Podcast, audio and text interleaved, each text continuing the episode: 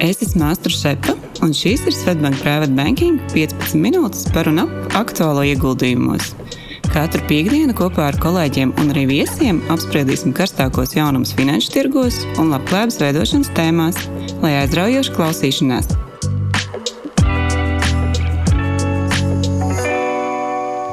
Sveiciens Brightbanking klientiem un mūsu klausītājiem podkāstu 94. epizodē. Šodienas epizodē es, Inga Erkla Trušiņu, esmu kopā ar manu brīnišķīgo kolēģi Mairu Janaiti. Sveika, Maira! Čau, Ingu! Šodienas podkāstā vēlamies apskatīt, kādas iespējas ir Āzijas tirgos. Un, ja būsim precīzāk, tad runāsim par valsti, kas mūsu klientiem kļūst aizvien interesantāka investīcijām, un tā būs Indija. Valsts ar savu krāšņo kultūru, seno reliģiju un, protams, ar gan sarežģīto vēsturi. Kur māja ar tevi asociējās šī valsts? Jā, vienā epizodē ļoti grūti ir ietilpināt visu, ar ko man šī valsts asociējās. Bet pirmkārt, es vēlējos izcelt, ka Indija man nāk prātā kā vieta, uz kuru rietumnieki, tā skaitā arī latvieši, dodas garīgajos sevis meklējumos. Un uh, otrkārt, ir interesanti, ka Indija ir šaha dzimtene. Tā izcēlusies no senās spēles ar nosaukumu Čaturanga. Un treškārt, pēdējā gadā Indija visai bieži bija pasaules uzmanības centrā, eh, gan ar tās akciju lielisko sniegumu, kas pieauga gandrīz par 20%, gan arī ar to, ka 23. gada septembrī Indija pirmo reizi uzņēma G20 valstis. Un uh, dzirdējām arī to, ka Indija kļūs par lielāko spēlētāju starp attīstības valstīm un ieņems Ķīnas dominējošo pozīciju. Nu, un arī pēdējā seminārā klienti izrādīja aktīvu interesi par ieguldījumiem Indijā. Un tad nelielam ieskatam daži vērā ņemami fakti par šo valsti. Tad Indija ir piektā lielākā ekonomika pasaulē pēc IKP. Pēc platības tā ir septītā lielākā pasaulē valsts un ar vislielāko iedzīvotāju skaitu, kas uh, ir jau pārspējis uh, 20, 23. gadā Ķīnu. Tātad Indijā šobrīd ir 1,4 miljardi. Jā, Indija arī tiek saukta par lielāko demokrātiju pasaulē. Eh, lai gan parlaments tiek ievēlēts brīvās vēlēšanās, eh, tomēr nu, par demokrātisku valsts mūsu izpratnē to grūti nosaukt. Jo tajā joprojām ir eh, kastu sistēma, diskriminācija, nevienlīdzīgas iespējas pret dažādām iedzīvotāju grupām un sociālā nevienlīdzība. Lauku reģionos ir ļoti liela nabadzība un savukārt pilsētas, pilsētās dzīvojušiem ir daudz vairāk iespēju. Nu, tomēr Indija ir viena no visstraujāk augošām ekonomikām pasaulē. Un 2023. gadā tā IKP izaugsme sasniedz 6,7%, un pēc Startautiskā valūtas fonda prognozēm 2024. gadā IKP izaugsme sagaidām 6,5%. Turpinot saglabāt līderu pozīcijas, nu, tādam nelielam salīdzinājumam, 2023. gadā IKP uz vienu iedzīvotāju Indija vien ieņem 140. vietu starp pasaules valstīm. Nu, salīdzinot, piemēram, kā ASV ierindojas 7. vietā, un jāpiemina arī mūsu Latvija 42. vietā. Nu jā, un Indijas ekonomika sastāv no daudzām, vairākām nozarēm.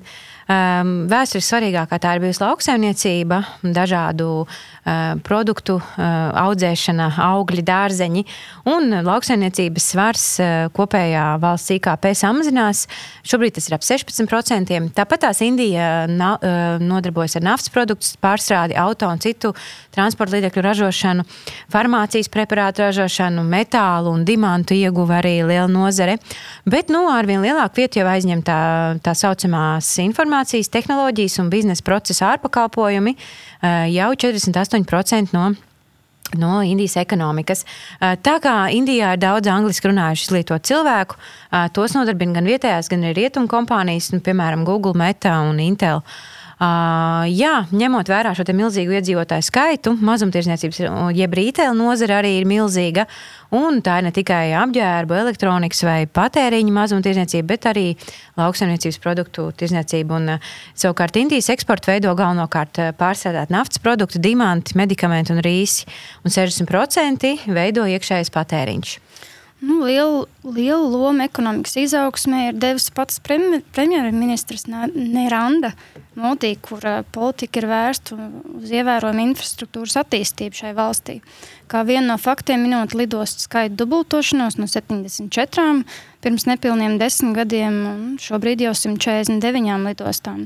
Kā saka Modi atbalstītāji, tieši viņš ir uzcēlis un izveidojis Indijas ekonomiku un uzlabojis simtiem miljonu cilvēku dzīvi šajā valstī. Un šis gads ir arī sagaidāms eh, ļoti svārstīgs politiskajā ziņā, jo um, aprīlī sagaidāms ir eh, vēlēšanas Indijā, nu, no kura iznākuma ir atkarīgs Indijas tālākais nu, virziens un izaugsme. Kaut gan jāpiemina, ka Modi politiskā partija ir diezgan pārliecināta. Jā, Modi jau kopš premjeras ir jau kopš 2014. gada. Viņa politika ir vērsta uz rietumiem, uz sadarbību. Viņš vēlas draudzēties ar daudziem. Indija pērka naftu un ieročus no Krievijas, bet tajā pašā laikā arī ir pievienojusies ANO klimata neutralitātes mērķim un CO2 emisijas ir apņēmusies samazināt līdz nulles līmenim līdz 2070. gadam. Manuprāt, šodien tas ir ļoti svarīgs jautājums, tāpēc ir vērts to pieminēt. Un uh, salīdzinājumā arī Eiropa tās ir solījusi neutralizēt um, līdz 50. gadam. Uh, savukārt arī nesen parādījās gan ziņa, ka Eiropas Savienība varētu vērst sankcijas pret trīs Ķīnas un Indijas uzņēmumiem par sadarbošanos ar Krieviju. Bet nu, pievērsīsimies varbūt akciju tirgiem Indijā. Jā, un tad runājot par Indijas akciju tirgiem, tad lielākā daļa tirzniecība Indijas akciju tirgu notiek divās biržās. Bombejas fonda birža, kas ir desmitā lielākā pasaules birža pēc tirgus kapitalizācijas, un Nacionālā fonda birža, kas interesanti ir 2023. gadā bija sestā lielākā birža pasaulē. Vēl kas ir interesanti, ka tik strauji augošam akciju tirgum 2023. gadā ir pamudinājis gandrīz 50 uzņēmumus uh, emitēt savus uh, akcijas. Jā, nu, to noteikti ir veicinājis arī šī te, uh, banku, digitālā banku sistēma un arī šī digitālā identitāte, kam vēlāk pieskaršos, kas ļauj arī vietējiem iedzīvotājiem saņemt piekļuvi šiem finanšu pakalpojumiem uh, ērtāk un ātrāk. Mm, divi nozīmīgākie Indijas tirgus indeksi ir Sensex un Nifty. Senseks ir vecākais akciju tirgus indeks, kas ietver 30 lielāko un vislabāk kapitalizēto uzņēmumu akcijas. To pārvalda Standard Poor's. Analītiķi parasti izmanto šo indeksu, lai novērotu Indijas ekonomikas ciklus un konkrēti nozara attīstībai atkal savukārt lejupslīdi. Jā, un eh, kā tad Indijā var ieguldīt? Mums, eh, kā investoriem, ir diezgan ierobežota pieeja, tomēr, bet vislabākais veids ir ieguldīt caur nopērkot kādu biržā, tirgoto fondu ETF.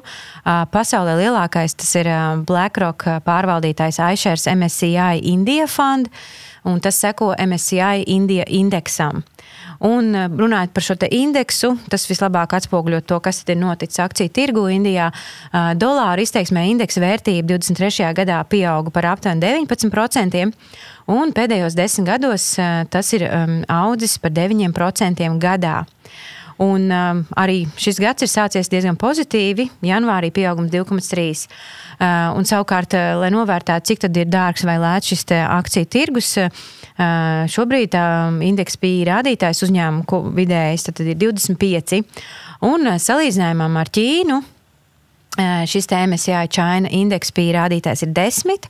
Un Ķīnas indeks 23. gadā samazinājās par 11%, un pēdējos desmit gados investoriem tas ir atnesis tikai 0,6% gadā vidēji. Nu, tad, kā redzams, Ķīna pamazām zaudē savu lomu kā vadošais attīstības tirgus, un tam ir vairāk iemeslu.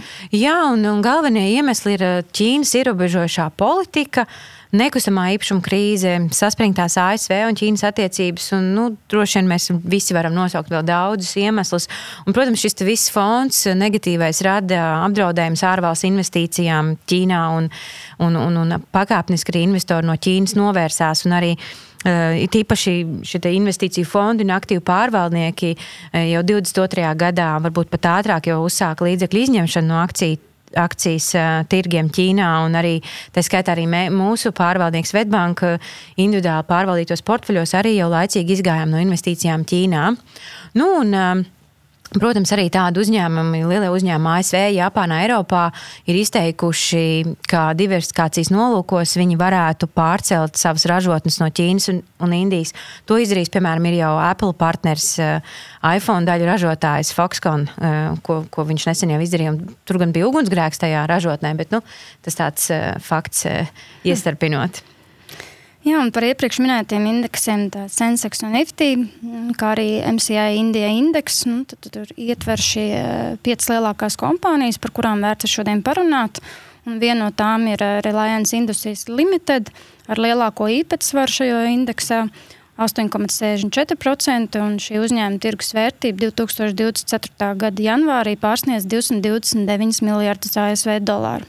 Uzņēmuma darbības nozare ietver enerģētiku, gāzi, naftas iegūst, ķīmijas produktu ražošanu, mazumtirdzniecību, kā arī digitālo pakalpojumu biznesu nu, un jaunās enerģijas e, radīšanu. Tātad uzņēmums šobrīd veido 3% no Indijas iekšzemes koprodukta. Uzņēmuma akcijas kotējas ASV dolāros un arī rūpījās. Paskatoties uzņēmuma akciju rezultāts, ir redzams, ka 22. gadā šis uzņēmuma akcija ir kāpus par 32%. Jā, un otrais eh, lielākais eh, ir Tata Consultancy. Tas ir informācijas tehnoloģija uzņēmums. Um, jā, viņš nodarbojas, protams, ar ļoti daudziem pakalpojumiem, bet ir vērts pieminēt, uh, ka šis uzņēmums nodrošina Indijas valdībai digitālās identitātes programmu ADHR, kas tika ieviesta 2019. gadā. Un tā, tiek, tā ir jau nosaukta par visadvancētāko digitālās identitātes sistēmu pasaulē. Nu, tā satur 1,3 miljārdu Indijas rezidentu identitātes. Nu, vienkāršāk sakot, tā ir um, pase mobilajā telefonā. Un uh, tas palīdz ātrāk saņemt dažādus pakalpojumus, atvērt bankas kontu, nodibināt uzņēmumu. Un uh, šis uzņēmums um, 70% pieder Tata ģimenei. Tāpat tās kā līdzīgi nozara uzņēmumi, Tata kārs, Tata stila un citi biznesi. Nu, Indijai kopumā ir raksturīgi, ka šie daudz nozara uzņēmumi um, koncentrējās um, nelielam skaitam, koncentrējas nelielu skaitu turīgu ģimeņu rokās, nu, kas faktiski varbūt ir tāds negatīvu vērtējums faktors akciju tirgiem. Un uh, vēl četras pozīcijas no desmit uh, lielākās šajā indeksā ir, bankām. Tad, tad um, Indijā, protams, ir ļoti liels uh, šis um, patērētāju tirgus un, attiecīgi, daudz banku. Šīs bankas ir sistēmiski, sistēmiski liels um, un piedāvā plašs finanšu pakalpojumus. Mm, vēl viens uzņēmums ir viens no IT līderiem Indijā, Infosys kas, sasniedz, eh, kas sniedz savus pakalpojumus vairāk nekā 56 valstīs. Interesanti, ka uzņēmuma mājaslapā minēts fakts, ka uzņēmuma starta kapitāls ir bijis viens sākotnēji 250 ASV dolāri, uzņēmumam izaugot līdz 18,55 miljardiem ASV dolāru vērtībai. Un uzņēmums bija pirmais IT uzņēmums no Indijas, kas tika kotēts Nasdaq biržā. Un, un trešo, kārtu, trešo gadu jau pēc kārtas ieņem top trīs vērtīgāko IT zīmolu vidū pasaulē. Ok, un to visu apkopojot, nu, kādas mēs secinājumus varam izdarīt? Nu, ir skaidrs, ka Indijas ekonomiskā izaugsme turpināsies, tīpaši ilgtermiņā. Tā ir daudz priekšrocību. Vairāk kā puse Indijas iedzīvotāji ir jaunāki par 30 gadiem. Tiem ir laba izglītība, tīpaši tehnoloģija jomā. Indieši nodarbina, nodarbina gan, gan, gan, gan vietējo uzņēmumu, gan arī ārvalstu uzņēmumu. Viņiem ir laba angļu valoda. Un, jā, tā ir milzīga priekšrocība, jo kopumā pasaulē sabiedrība noveco, arī Ķīnas sabiedrība novecojas, sāk novecot dēļ šīs viena bērnu politikas. Un Indija tomēr pēc kultūras ir tuvāka rietumiem kā, kā Ķīna. Arī tas, ka Indija ir demokrātiska valsts un tā ir atvērta sadarbībai, un, un, un, un tās politiskais virziens ir atvērts ārvalstu investoriem. Un, tas, protams, šīs ārvalstu investīcijas ļaus pa, paaugstināt indiešu labklājību. Kā arī viena priekšrocība ļoti svarīga, ko es jau pieminēju, ir šī digitālā valsts transformācija, jo jau iepriekš pieminētā ADHR sistēma ļauj indiešiem piekļūt daudziem pakalpojumiem ar biometriskiem datiem. Uh, un, jā, Digitalizācija veicina naudas aprits ātrumu un nodrošina efektīvāku, lētāku pieeju finanšu resursiem.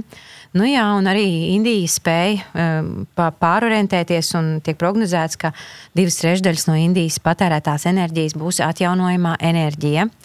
Nu, un, jāsaka, ka nevienmēr te, šī te IKP izaugsme un ekonomikas attīstība ir iet, iet ciešā saistībā ar um, akciju tirgus pieaugumu, uh, jo Indijai vēl ir daudz. Um, Mājas darbi ir jāattīst infrastruktūra, lai šie ārvalstu uzņēmumi varētu ienākt tās tirgu.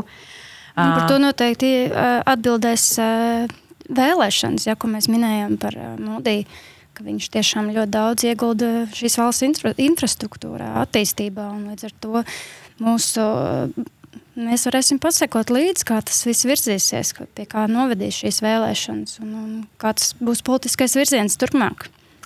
Jā, pilnīgi noteikti. Indija ir spēcīga, spēcīga izaugsme, milzīgs spēks, kas virzīs pasauli. Un, jā, vai tā ir laba investīcija ideja, tas mums, protams, katram ir jāvērtē.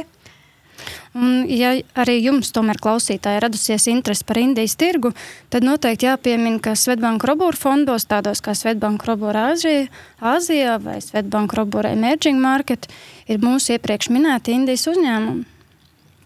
Jā, kaut gan tas svars ir diezgan neliels, bet nu, tomēr to, to, to, to ekspozīciju uz Indiju var iegūt caur šiem te robūru fondiem.